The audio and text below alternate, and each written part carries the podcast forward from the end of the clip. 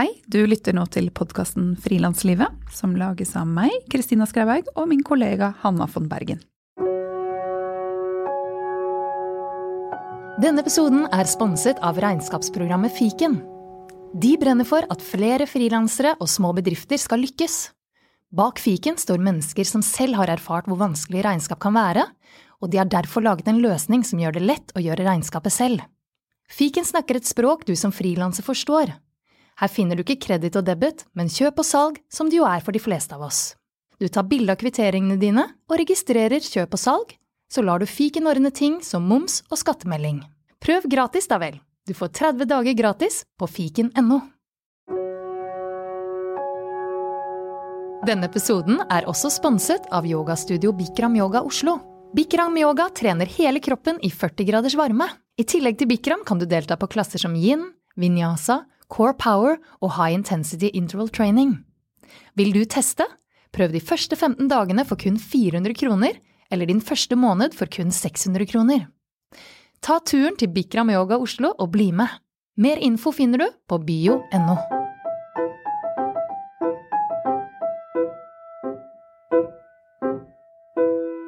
I dag har vi besøk av fotograf Linda Burnan Engelbert. Linda hun begynte som fotograf i Klassekampen i 2003, og kombinerte i flere år avisjobben i en 50 %-stilling med egne dokumentariske fotoprosjekter. I 2016 sa hun opp jobben, og samme året mottok hun statens kunstnerstipend. Og høsten 2017 ble hun tatt opp som medlem i det veldig prestisjetunge fotobyrået Seven i New York. Hei, Linda. Hei. Kjempehyggelig at du tar deg tid til å komme hit, til frilanslivet. Takk for å bli invitert. Fordi jeg vet at du har, eh, etter at du eh, ble tatt opp som medlem i Seven, eh, gratulerer, fått en veldig ja, busy timeplan. Ja. Har du ikke det? Jo, det, jo, det er jo litt som å få en ny arbeidsplass. Um, uh, men på en annen måte, for du blir ikke sendt ut på oppdrag, men du må på en måte jobbe deg inn i byrået. Sånn at eh, akkurat nå så går det mer ut på å sende mailer til hverandre, få oversikt over hvilke muligheter man har, sende søknader, eh, forberede workshoper. Så, så ja. Fordi da du har gått fra å på en måte jobbe ganske mye alene, eller stå alene, til nå å være en del av et fellesskap. Hvordan er det? Nei, hverdagen blir jo forandra fordi at man må være mye mer delaktig sammen med andre mennesker. Sånn at det er utrolig mange e-mails f.eks. hver dag som du må forholde deg til og svare på og sjekke om du har bilder som passer til enkelte saker, eller forberede foredrag eller workshops. Og, ja. Så du har kontakt med de andre i Seven omtrent hver dag på mail. Og så har vi også et sånn chatteforum som er på Slack, sånn at vi skriver mye til hverandre og drøfter ideer og ja, ting som kommer til å skje fremover. Men det tar litt tid å jobbe seg inn, sånn at jeg har ikke så mye jobber fra Seven akkurat nå. sånn at um, jeg tenker jo at det tar kanskje et års tid før man er ordentlig inn i det. Men det er kanskje en del jobb å på en måte ja, jobbe seg inn i hvordan, eh, hvordan dere jobber? Ja, det er det. Det er litt som å få en ny arbeidsplass, at du må orientere deg litt og, og skjønne premissene for det du skal gjøre, da. Men du, da du ble, eller fikk beskjeden om at du ble tatt opp som medlem, hvordan, hvordan var det? Ja, det var jo den største drømmen min å bli tatt inn i Seven. Jeg, jeg, tror fra 2009 at jeg tenkte at jeg veldig gjerne hadde lyst til å være med i, i det byrået. Men det starta først med at jeg ble tatt inn i mentorprogrammet. Og det, da var jeg jo helt sjokkert at jeg ble valgt ut. Fordi det er to, eller hvor mange det er, år? det er fem, og så er det over to år. Uh, ja, men under Jeg var i mentorprogrammet i ett og et halvt år, og så kom det en søknad om å bli medlem. Så jeg husker jeg satt uh, hjemme, og så fikk jeg et nummer fra USA som ringte. Så jeg tenkte å, det er sikkert noen selgere, eller Og så, så tar jeg telefonen og sier Hi, this is Gary Knight. Welcome to the family. Og da skjønte du det? Så da skjønte jeg det. Så da ble jeg selvfølgelig veldig, veldig glad.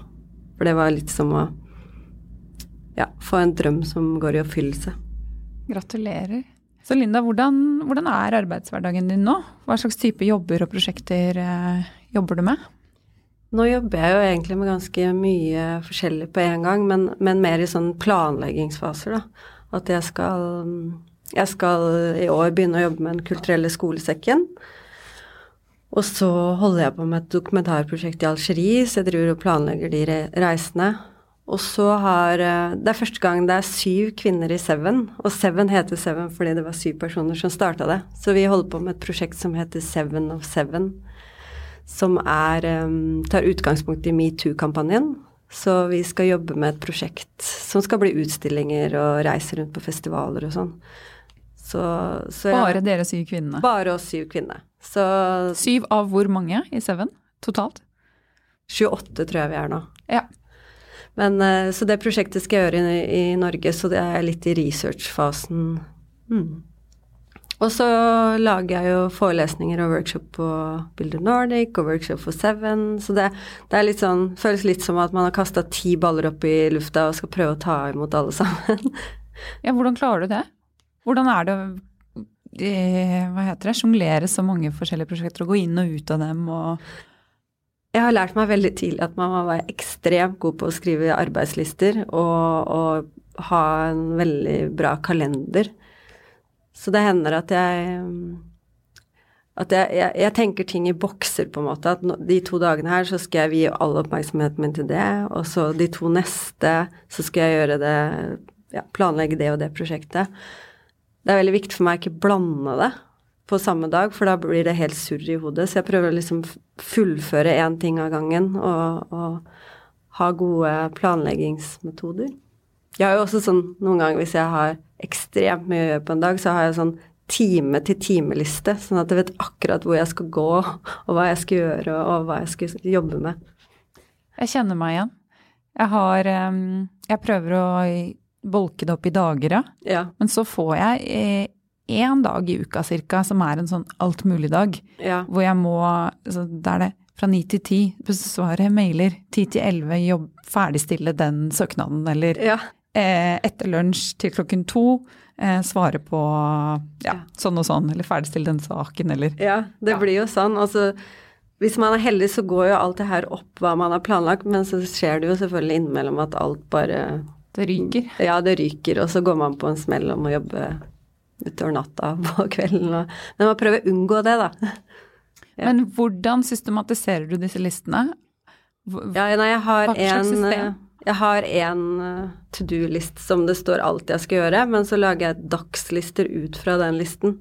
Sånn at jeg tar de viktigste tingene som jeg enten skal gjøre den uka eller den dagen. Sånn at jeg vet på en måte hvilken rekkefølge jeg skal gjøre de forskjellige tingene. Og når gjør du det? Har du et lite morgenmøte med deg selv, eller kvelden før, eller? Alltid morgenmøte med meg selv. Det er jo på en måte det første jeg gjør når jeg setter meg ved pulten min, er å skrive opp den listen og hva jeg skal gjøre den dagen. Altså det er litt morgenmøte? Ja, det er litt morgenmøte, egentlig. Ja. og da kommer jo også selvfølgelig private ting inn som jeg også må gjøre senere på dagen, eller ja, om det er foreldremøte eller Ja. Fordi de, de tar tid, de òg, så de må jo inn i, i tidsberegningen? Ja, det må det. Ja. Men jeg var også sånn, jeg var sjukmeldt et halvt år fordi jeg hadde skada fingeren min, så jeg kunne verken skrive på data eller ta bilder. Men da satt jeg fortsatt med de her eh, listene mine, skrev med høyrehånda. Fordi jeg er så vant til det der å skal planlegge dagen min, men da var det jo helt andre ting, da. Gå til tannlegen, hente der, gå an og kjøpe det.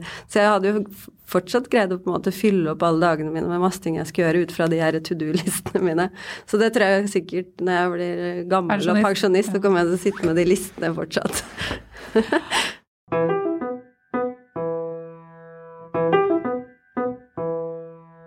Men eh, jeg har jo alltid vært en sånn person som står opp om morgenen, står tidlig opp, har arbeidslister og setter opp mål og hva jeg vil gjøre. Så det er Selv om jeg da har en uke hvor jeg ikke har noe å gjøre, så har jeg alltid sitter jeg alltid med en plan. Ja. Jeg kjenner meg igjen. Men går du noe sted, eller jobber du hjemmefra? Ja, nå jobber jeg også på Bilder Nordic som veileder. Det har jeg gjort i noen år nå. Så nå i februar og mars så har jeg hatt mer undervisning enn det jeg har hatt en del workshops og sånn, så akkurat nå så har jeg vært mye der. Men ellers så er jeg med i et kunstnerfellesskap som heter Bjørka. Som er et uh, sted hvor veldig mange fotografer som jobber med analog fotografi er. Så vi har mørkerom og, og ja, muligheter for, uh, for uh, å lage utstillinger. Det er som et verksted, da. Og så har vi også egne atelierer. Så det er der jeg på en måte sitter og jobber når jeg ikke er på Bill Nordic. Jeg kan se for meg at det er viktig å finne et sånt fellesskap. Ja, for meg så var det veldig viktig etter jeg slutta i Klassekampen. For jeg var på en måte så vant til å ha folk rundt meg, og, og, det var på en måte det tristeste med å slutte jobben der, var at man mista de arbeidskollegaene. Så det å ha Bjørka, det, det fyller på en måte det rommet der. Da du jobbet i Klassekampen, kan ikke du fortelle litt om hvordan du på en måte fikk, eh, fikk, det hele til å funke. Det å balansere en jobb med egne prosjekter i, over ganske lang tid. Og det å skulle ha inntekt, men med jobb med prosjekter som ikke gir så mye inntekt, og så videre. Både tid og økonomi. I hvert fall hvordan jeg prøvde å få det til å fungere. uh, jo, jeg må jo si at uh, jeg har hele tiden i livet mitt vært sånn målbevisst om hvor jeg vil med karrieren min, og, og, hvordan type fotograf jeg vil bli. Det har jeg visst hele veien. Så jeg har på en måte alltid vært villig til å heller tjene litt lite, sånn at jeg kunne gjøre mine egne ting. Så jeg har jo hatt perioder hvor jeg jobba i Klassekampen hvor jeg liksom virkelig har ja, tenkt over hvordan jeg bruker pengene mine, sånn at jeg skulle ha råd til å, å sitte og gjøre egne ting ved siden av. Men jeg, jeg jobba jo en del som frilans også mens jeg var i Klassekampen, så jeg hadde jo oppdrag ved siden av det. Og med egne prosjekter, var det Hvilken tid tok du av da? Det har jo vært i perioder Jeg må jo si at det har vært litt galskap i perioder også. Sånn når jeg jobba med romfolkprosjekter, f.eks., så er jo det prosjektet man egentlig kan jobbe med hele tiden. Så da da jobba jeg jo ofte på kveld. Og så var jeg jo på reiser og fikk permisjon fra Klassekampen innimellom også. Og jobba en del på fritiden min. Det er litt sånn Jeg tenker noen ganger at for meg som Jeg ser jo på meg selv som en kunstner, da, at livet mitt går i ett med arbeidet mitt noen ganger. At jeg greier ikke helt å skille hva som er privatliv og hva som er arbeid. Sånn at det flyter litt i hverandre. Og særlig hvis man jobber med større prosjekter også, så, så er det en del av hverdagen hele tiden, da. Og jeg tenker hvis man jobber på dokumentariske prosjekter hvor man dokumenterer livet til andre mennesker, så um, er det jo ofte man bare må kaste seg rundt og stille opp når, når, når livet deres skjer. Ja, ikke sant. Du, kan, du, har jo ikke en timeplan du kan forholde deg til Nei. i det hele tatt. Og så er det jo mye som går skeis òg, ikke sant. Sånn, jeg husker når jeg jobba med Romfolk-prosjektet, så skulle jeg ta bilde av de på 17. mai en gang. Sånn at jeg hadde fått sønnen min skulle være hos faren sin og ordna for at jeg skulle ta de bildene, da. Og vi skulle møtes klokka elleve på Grønland. Og der var jo ikke de. Nei. så de kom jo aldri heller. Sånn at det kan jo noen ganger være litt sånn slitsomt også å jobbe med de prosjektene, fordi at man ikke kan forholde seg til en timeplan, da. Jeg kjenner meg igjen, og det derre at de aner ikke at jeg har prøvd å sette bort, eller har satt bort to barn på en søndag og fikset barnevakt eh, for å stille opp, og så kunne de bare ikke likevel, og glemte å si fra. ja. Mens det kan jo føles så veldig ja, ja. pokkerelle, liksom. jeg har nok blitt flinkere nå eh, når jeg har blitt litt eldre, å ta vare på min egen ja, alenetid, da. Jeg, det fløyt mer sammen før enn det det gjør nå. Jeg tenker at det er viktig også for ikke å bli utbrent eller at man greier å skille, skille, det litt mer, da. Men det hjelper jo også ofte hvis man har prosjekter som er i andre land, for det, det er jo begrensa hvor mye man kan reise dit. Og da, når du er på jobb, da er du på jobb 100% Det er litt verre med de prosjektene som er i Norge. Og man skulle jo kanskje, eller det har jeg tenkt, da, som også driver og sysler sånn litt med mine egne fotoprosjekter. Ikke på samme nivå som Linda, selvfølgelig. Men eh, jeg har tenkt at eh, jeg, det er lurt å finne noen prosjekter her hjemme, fordi det er mer forenlig med eh, småbarnsliv og familieliv. Mm. Men jeg kjenner meg jo enig i det du sier, fordi når man er i utlandet, så kan man bare Nå setter jeg de to ukene, og jeg er her, og jeg har ingen andre å ta hensyn til mm. enn mm. ja, disse menneskene som jeg skal følge etter. Ja. Og så er det jo litt også hva man liker å gjøre òg, da. Jeg har jo på en måte fra jeg var liten alltid vil være sånn oppdager og reise rundt i verden, og det har alltid vært min store drøm. Sånn at jeg kunne, det å kunne gjøre det gjennom fotografi, det har vært veldig spennende, og det hender jo at jeg får mer ut av det når jeg reiser rundt. Mm. Jeg tenker på mange måter så Jeg har alltid vært opptatt av det at man skal finne en ting i livet som bare er sitt eget. En, en lykke i livet, da. Som ikke alltid handler om at man har fått den kjæresten, eller at barna har gjort det og det, eller Men noe som bare er ditt helt eget rom. Og det har jeg på en måte funnet gjennom fotografiet. Så det der å på en måte sette seg på et fly, og at man skal et helt nytt sted, og det er ting man har vært opptatt av, lest om Det er kanskje den følelsen som kan gi den samme følelsen som jeg hadde på julaften når jeg var fem år og venta på pakkene, på en måte. At det, det er noe som fyller meg, da, og som bare er helt mitt eget. Og så har det kanskje ikke så mye å si hvordan det gikk, eller Altså, selvfølgelig litt. Men allikevel at du At man bare gjør det. At man Ja. tar den turen for seg selv.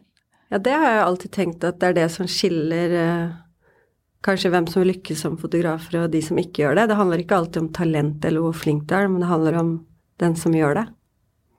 Det å faktisk gå ut av døra og ta de bildene. For det sitter Jeg kjenner jo Jeg har masse venner som er fantastiske fotografer, men som ikke tar bilder. Så jeg har alltid vært også inspirert av andre fotografer, også i Norge, som jeg syns er utrolig dyktige, som, som jobber hardt, da. Som for eksempel Andrea Gjestvang eller Espen Rasmussen, folk som, som jobber. Mm. Mm. Det er veldig inspirerende, det. At folk som jobber, som jobber på.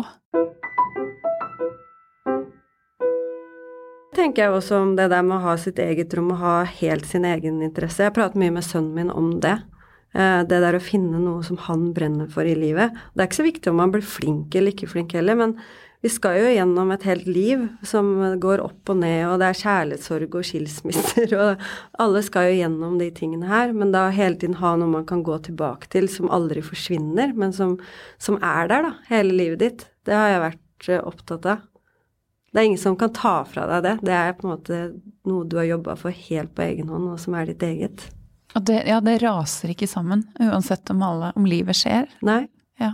Og det kan til og med bli bedre hvis livet skjer.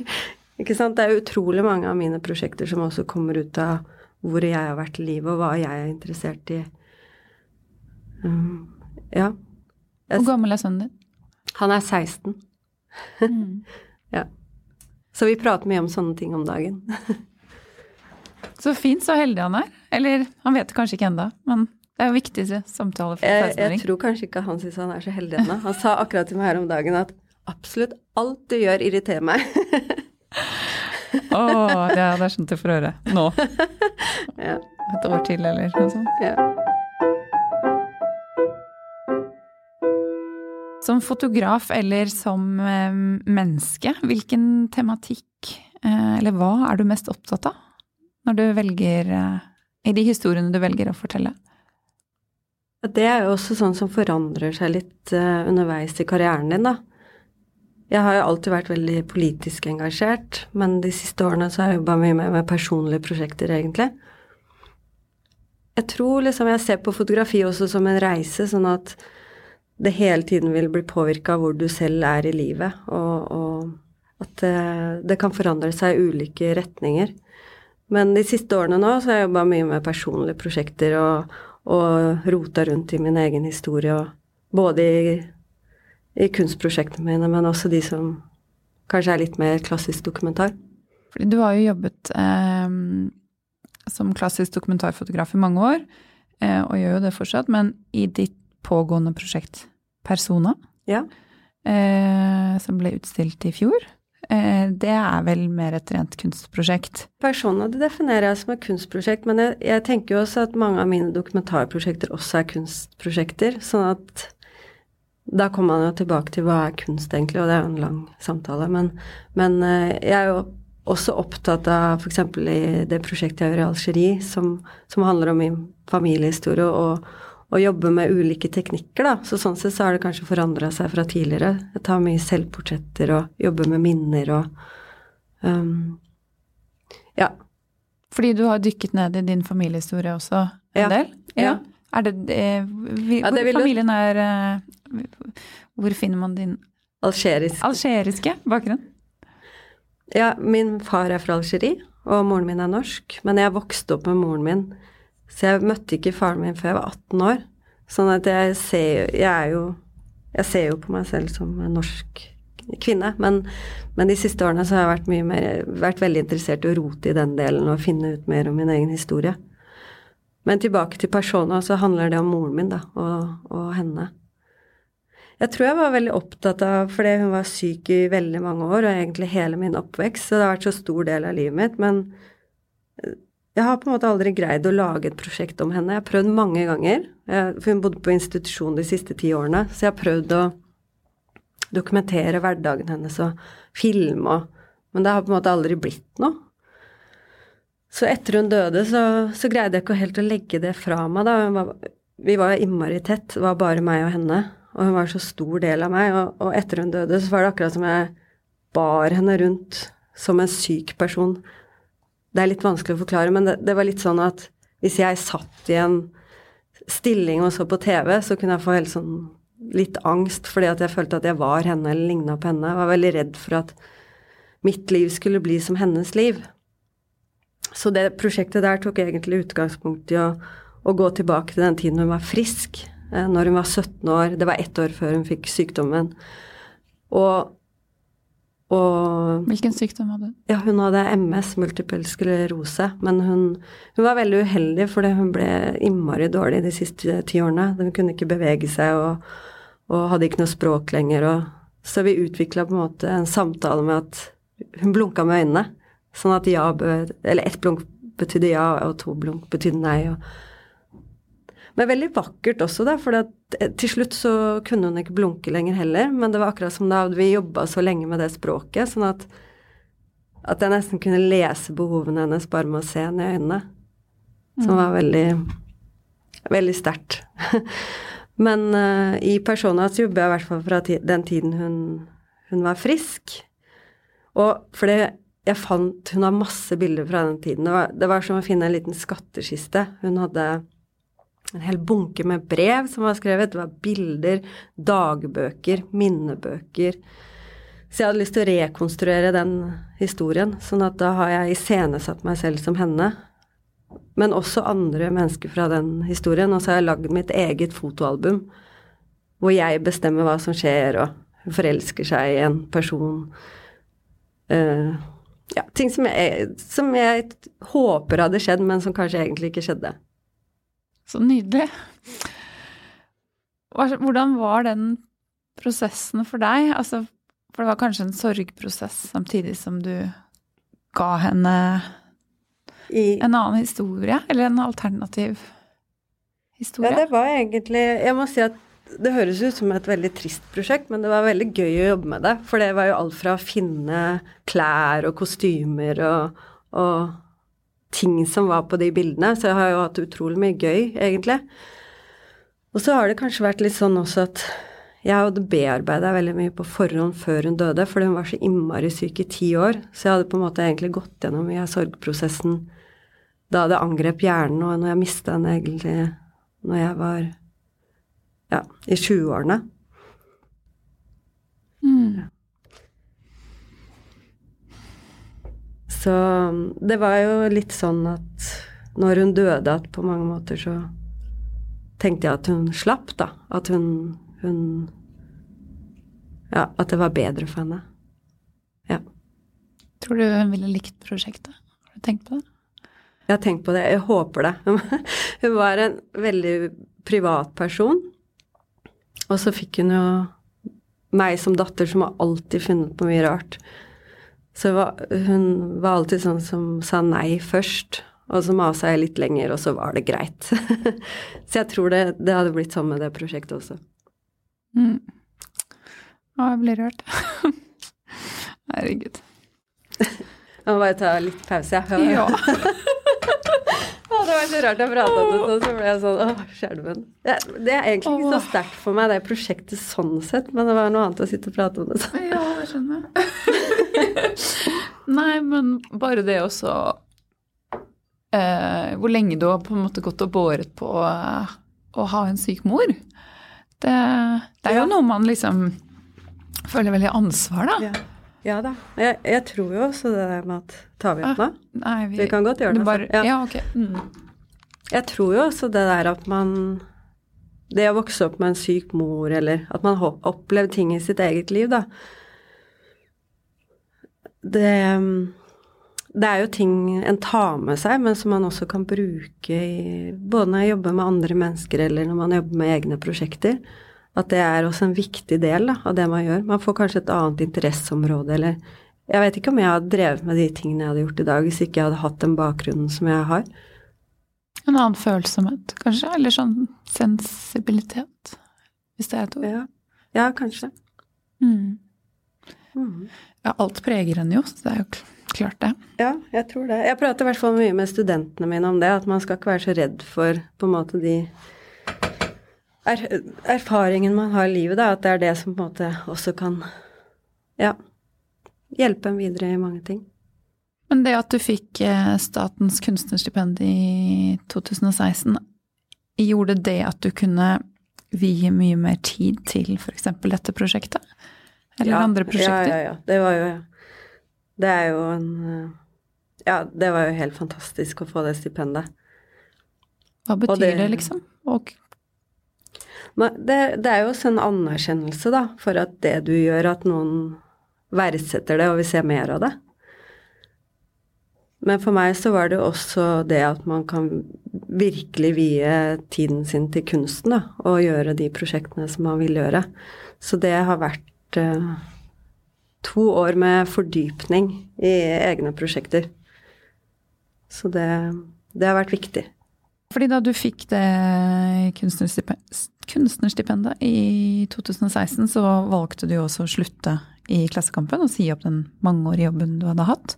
Ja. Hva, kan ikke du fortelle litt om det å ta det valget? Mm. Da hadde jeg egentlig hatt permisjon et år fra Klassekampen allerede, fordi at jeg holdt på å fullføre bacheloren min i kunsthistorie.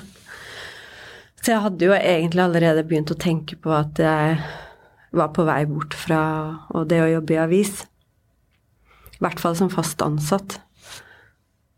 Men eh, ja, når man får Statens kunstnerstipend, så kan man jobbe 50 ved siden av.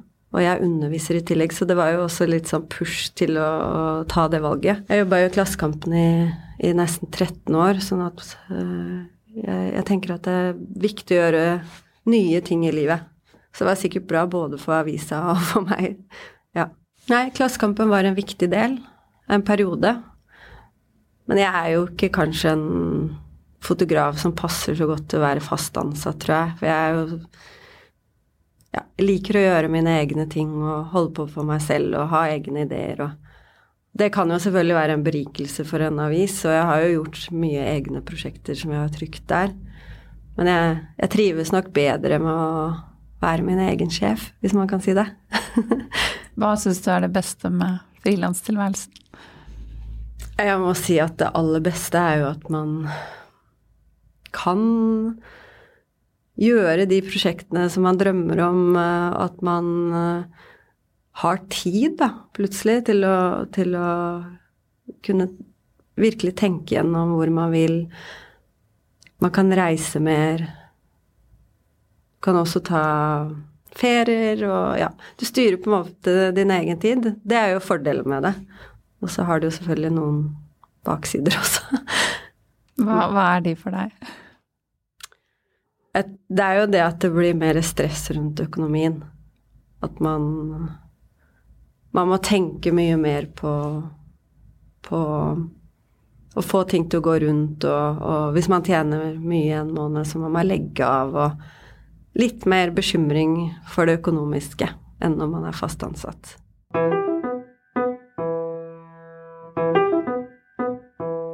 Nå skal jeg stille et litt sånn spørsmål. Hvordan kom du deg dit du er i dag? og det høres jo litt sånn flåst ut, men eh, Men du har jo, ja, hatt diverse utstillinger, fått eh, Statens kunstnerspenn blitt nå nylig medlem i Seven. Så jeg lurer på det. Sånn, Eh, vi snakket jo om det der å, å jobbe på, men eh, liksom bortsett fra talent og i tillegg til å jobbe på, har du noen sånn tanker om hvordan, hvordan du har kommet dit du har kommet? Jeg tror det handler også om det å være målbevisst. Sånn Hvis det er noe man har veldig lyst til, da, så er det så lett å tenke at hvis jeg ikke får til det her innen et år, så, så vil jeg gjøre noe annet. Men, men, jeg har alltid vært sånn bestemt meg for en ting. At det vil jeg, samme hvor lang tid det kommer til å ta. Og så jobba mot det. Og at man da prøver ikke ta så veldig mange sideveier underveis. Selvfølgelig at man kan utvikle seg og Men jeg kjenner så mange som på en måte ja, kanskje vil bli musiker, da. Og så holder de på med det i to år. Og så nei, ja, kanskje jeg skal bli skuespiller isteden, eller Det å på en måte ha bestemt seg for en ting og, og bruke den tiden det tar, da. Jeg hadde jo allerede i 2009 lyst til å bli med i Seven, og jeg har jo på en måte jobba for det i ganske mange år. Og sånn helt konkret, hvordan har du jobbet for det? Ja, det å bli med et bildebyrå betyr jo egentlig at du, at du jobber med egne prosjekter. Sånn at uh, uavhengig av Seven, så har jeg Jeg vil jobbe med egne ting. Sånn at jeg har hele tiden, selv om jeg har hatt jobber og vært fast ansatt, så har jeg alltid på en måte hatt et personlig prosjekt gående på siden. Så det, det har på en måte Jeg har aldri hatt noen sånn pause fra det. Så, så Ja, det, det, går jo tilbake til det vi prata om i stad, det å jobbe, hele, jobbe, for noe, da. Mm. Noen ganger så ser jeg litt på fotografi som å gå på treningsstudio. At hvis du stopper, så er det så innmari vanskelig å begynne igjen. Men hvis du holder på hele tiden, så på en måte er du i det, da. Går du på treningsstudio også, eller? Jeg er ikke så flink. Men er det noen eh, konkrete hendelser eh, i karrieren din, da, eller eh, mens du har jobbet, som du syns har, liksom, som har vært noen vendepunkt, eller som har gitt deg et løft, eller som du har lært ekstra mye av? Ja, absolutt. Det må jeg si. Bare det å få være med i Norwegian Journal of Photography, det var et stort løft for meg. Både å bli valgt ut og ha gode mentorer som fulgte prosjektene dine. Det var ja, bare det å møte Lara Madsen, eksempel, som er en utrolig flink eh, bilderedaktør. Å få henne til å se på bildene, og det syns jeg ga et veldig oppløft i, i karrieren min. Og det, da du ble tatt opp i Seven sitt mentorprogram, hvordan var det å være med å ha de to årene? Ja, jeg var med der i ett og et halvt år. Men ja, det var kjempefint. Da hadde jeg Danny Wilcock Frazier, som er en fotograf som jeg alltid har beundra. Jeg hadde han som mentor, så det var kjempefint. Jeg tenker jo det der at uh, samme hvor man er i sin egen karriere, så er det fint å ha noen andre til å se på bildene sine og hjelpe en. og jeg kan kanskje være flink til å sette sammen andres uh, fotografier, men det å ha andre til å se på sine egne og hjelpe en, det tror jeg alltid er bra, jeg. Så ja, vi hadde utrolig mye kontakt over Skype og prata om fotografi og kunst og litteratur og Så det var veldig inspirerende. Og også at han hjalp meg å sette sammen historier og se på ting på, med sitt blikk. Jeg eh, har jo da researchet deg en del, da. Jeg eh, visste jo masse om deg fra før, men researchet deg fordi jeg skulle eh, ha denne samtalen med deg nå. Mm. Og vært inne på hjemmesiden din, hvor du, som jeg syns var sånn veldig oversiktlig og fin, med eh, sånn eh, pent oppført hvor, hvilke stipender du har fått, hvilke foredrag du har holdt, eh, hvor du har hatt utstillinger. det der å ha en god nettside og en presentasjon av seg selv som fotograf eller som kunstner? Er det viktig? Jeg må jo først si at jeg er veldig glad til å ha merke til det, da. For jeg har putta litt jobb inn det. ja, det har det, ja. ja. ja det må ha tatt litt tid. jeg tenker jo at det er en vel så viktig del da, av å være fotograf som det å gå ut og ta bildene. Fordi at ja, det at en person kan gå inn på hjemmesiden din og få oversikt over hva du gjør, men også hva du har gjort, det, det, tenker jeg er utrolig viktig for å få nye jobber. Og Ja, og også for utstillinger, egentlig. Sånn hvis det sitter Nå skal jeg ha en utstilling i Wien i, i april, og de også hadde vært inne på hjemmesiden min og på en måte lest gjennom og sett og Så det er en del, del ting som kan komme av å ha en oversiktlig hjemmeside. Ja, det er, det er litt tørt og tungt arbeid, men hvis jeg kan gi et råd der, så er det virkelig å ikke sette bort jobben med å lage hjemmeside, men å gjøre det selv. Fordi at da har man mye mer kontroll og kan legge ut nye ting hele tiden. Og jeg er ikke en person som syns at det er kjempegøy å lage hjemmeside, så jeg valgte et program som jeg kunne Som var ganske oversiktlig. Så, så det å Det ble litt reklame, kanskje? Ja, det er lov. Ja. Viewbook, viewbook bruker jeg. Viewbook, ja. Ja. Men, eh, men eh, jeg syns i hvert fall det er veldig spennende. Jeg går inn på andres hjemmesider og i hvert fall oversikt over hva de skal, eller hva de har gjort tidligere, men også det om de skal ha workshops, eller om det er ting man kan være med på foredrag. Så det er kjempeviktig. Ja. Mm. Jeg sitter nå selv eh, på fritiden og kveldstid og når jeg har ekstra tid og lager en ny til meg selv. Du er jo veldig flink til det her. Jeg så på din Instagram med, med uh, det prosjektet du drev med sist. Det var veldig imponerende. Så hyggelig. Takk. Jeg, jeg, tror det er viktig å vi, vise hva man gjør, for ellers så vet ingen hva man driver med. Nei. Det, og dokumentere det. Ja. Også i hvert fall i vår tid hvor det finnes så mange fotografer og kunstnere, så, så må man kanskje være mer synlig da, enn det man var før. Mm. Mm. Du har jo, som du nevnte, en sønn på 16. Og hvordan er det å være mor og frilanser? Og kanskje spesielt da han var yngre. Hvordan var det da? Mm. Jeg har jo alltid vært opptatt av eh, at selv om man er kvinne og får barn, at man, alt, at man skal kunne gjennomføre din, det karrierevalget man har valgt, da. Og også sett mange damer som måtte faller av etter de har fått barn, så det har jeg vært bevisst på egentlig fra han ble født. Men så er det jo selvfølgelig det å manøvrere hverdagen med små barn og jobb er jo ikke alltid like enkelt. Så sånn sett så Jeg har jo ett barn, og det gjør det jo selvfølgelig enklere, og at Jeg tror det er viktig i hvert fall å ha en mann som stiller opp og er der. Jeg hadde jo delt omsorg for, min sønn siden han var tre år, så det gjorde det jo litt enklere sånn hvis jeg skulle reise og at jeg var borte de ukene hadde. Så jeg har aldri vært en fotograf som på en måte har vært mange måneder i utlandet og jobba. Jeg har alltid reist mye sånn fram og tilbake. Når han var liten, så var jeg ikke borte mer enn ti dager, tror jeg. Jeg har jo spurt han nå når han har blitt ungdom, om det har påvirka livet hans negativt på noen måte, men det har han jo sagt at det har han egentlig aldri tenkt over. For han var så vant til på en måte å bo annenhver uke uansett. Og så tror jeg jo at det er viktig for barn også å se at foreldrene lever sine egne liv, da. At man ikke går helt inn i foreldrerollen, og så fins det ikke noe annet der ute. Jeg tror barn blir inspirert av hva man gjør, ikke alltid hva man sier noen ganger. Så, men, men jeg tenker at særlig når man er kvinne, så må man være litt mer bevisst på det. Og selvfølgelig så om man blir borte noen år og må være sammen med barna, men at man i hvert fall kommer tilbake igjen, da. Og ikke gir opp drømmen sin. Det tror jeg er viktig. Hvert fall sånn som dokumentarfotograf, det er jo ekstremt mannsdominert, så jeg har liksom fundert mye i det siste over hva man kan gjøre, eller hvorfor det ikke er flere kvinner da, som går den veien. For jeg har, no, har noen drømmer, da, den, ned den stien der, mm. eh, innenfor foto.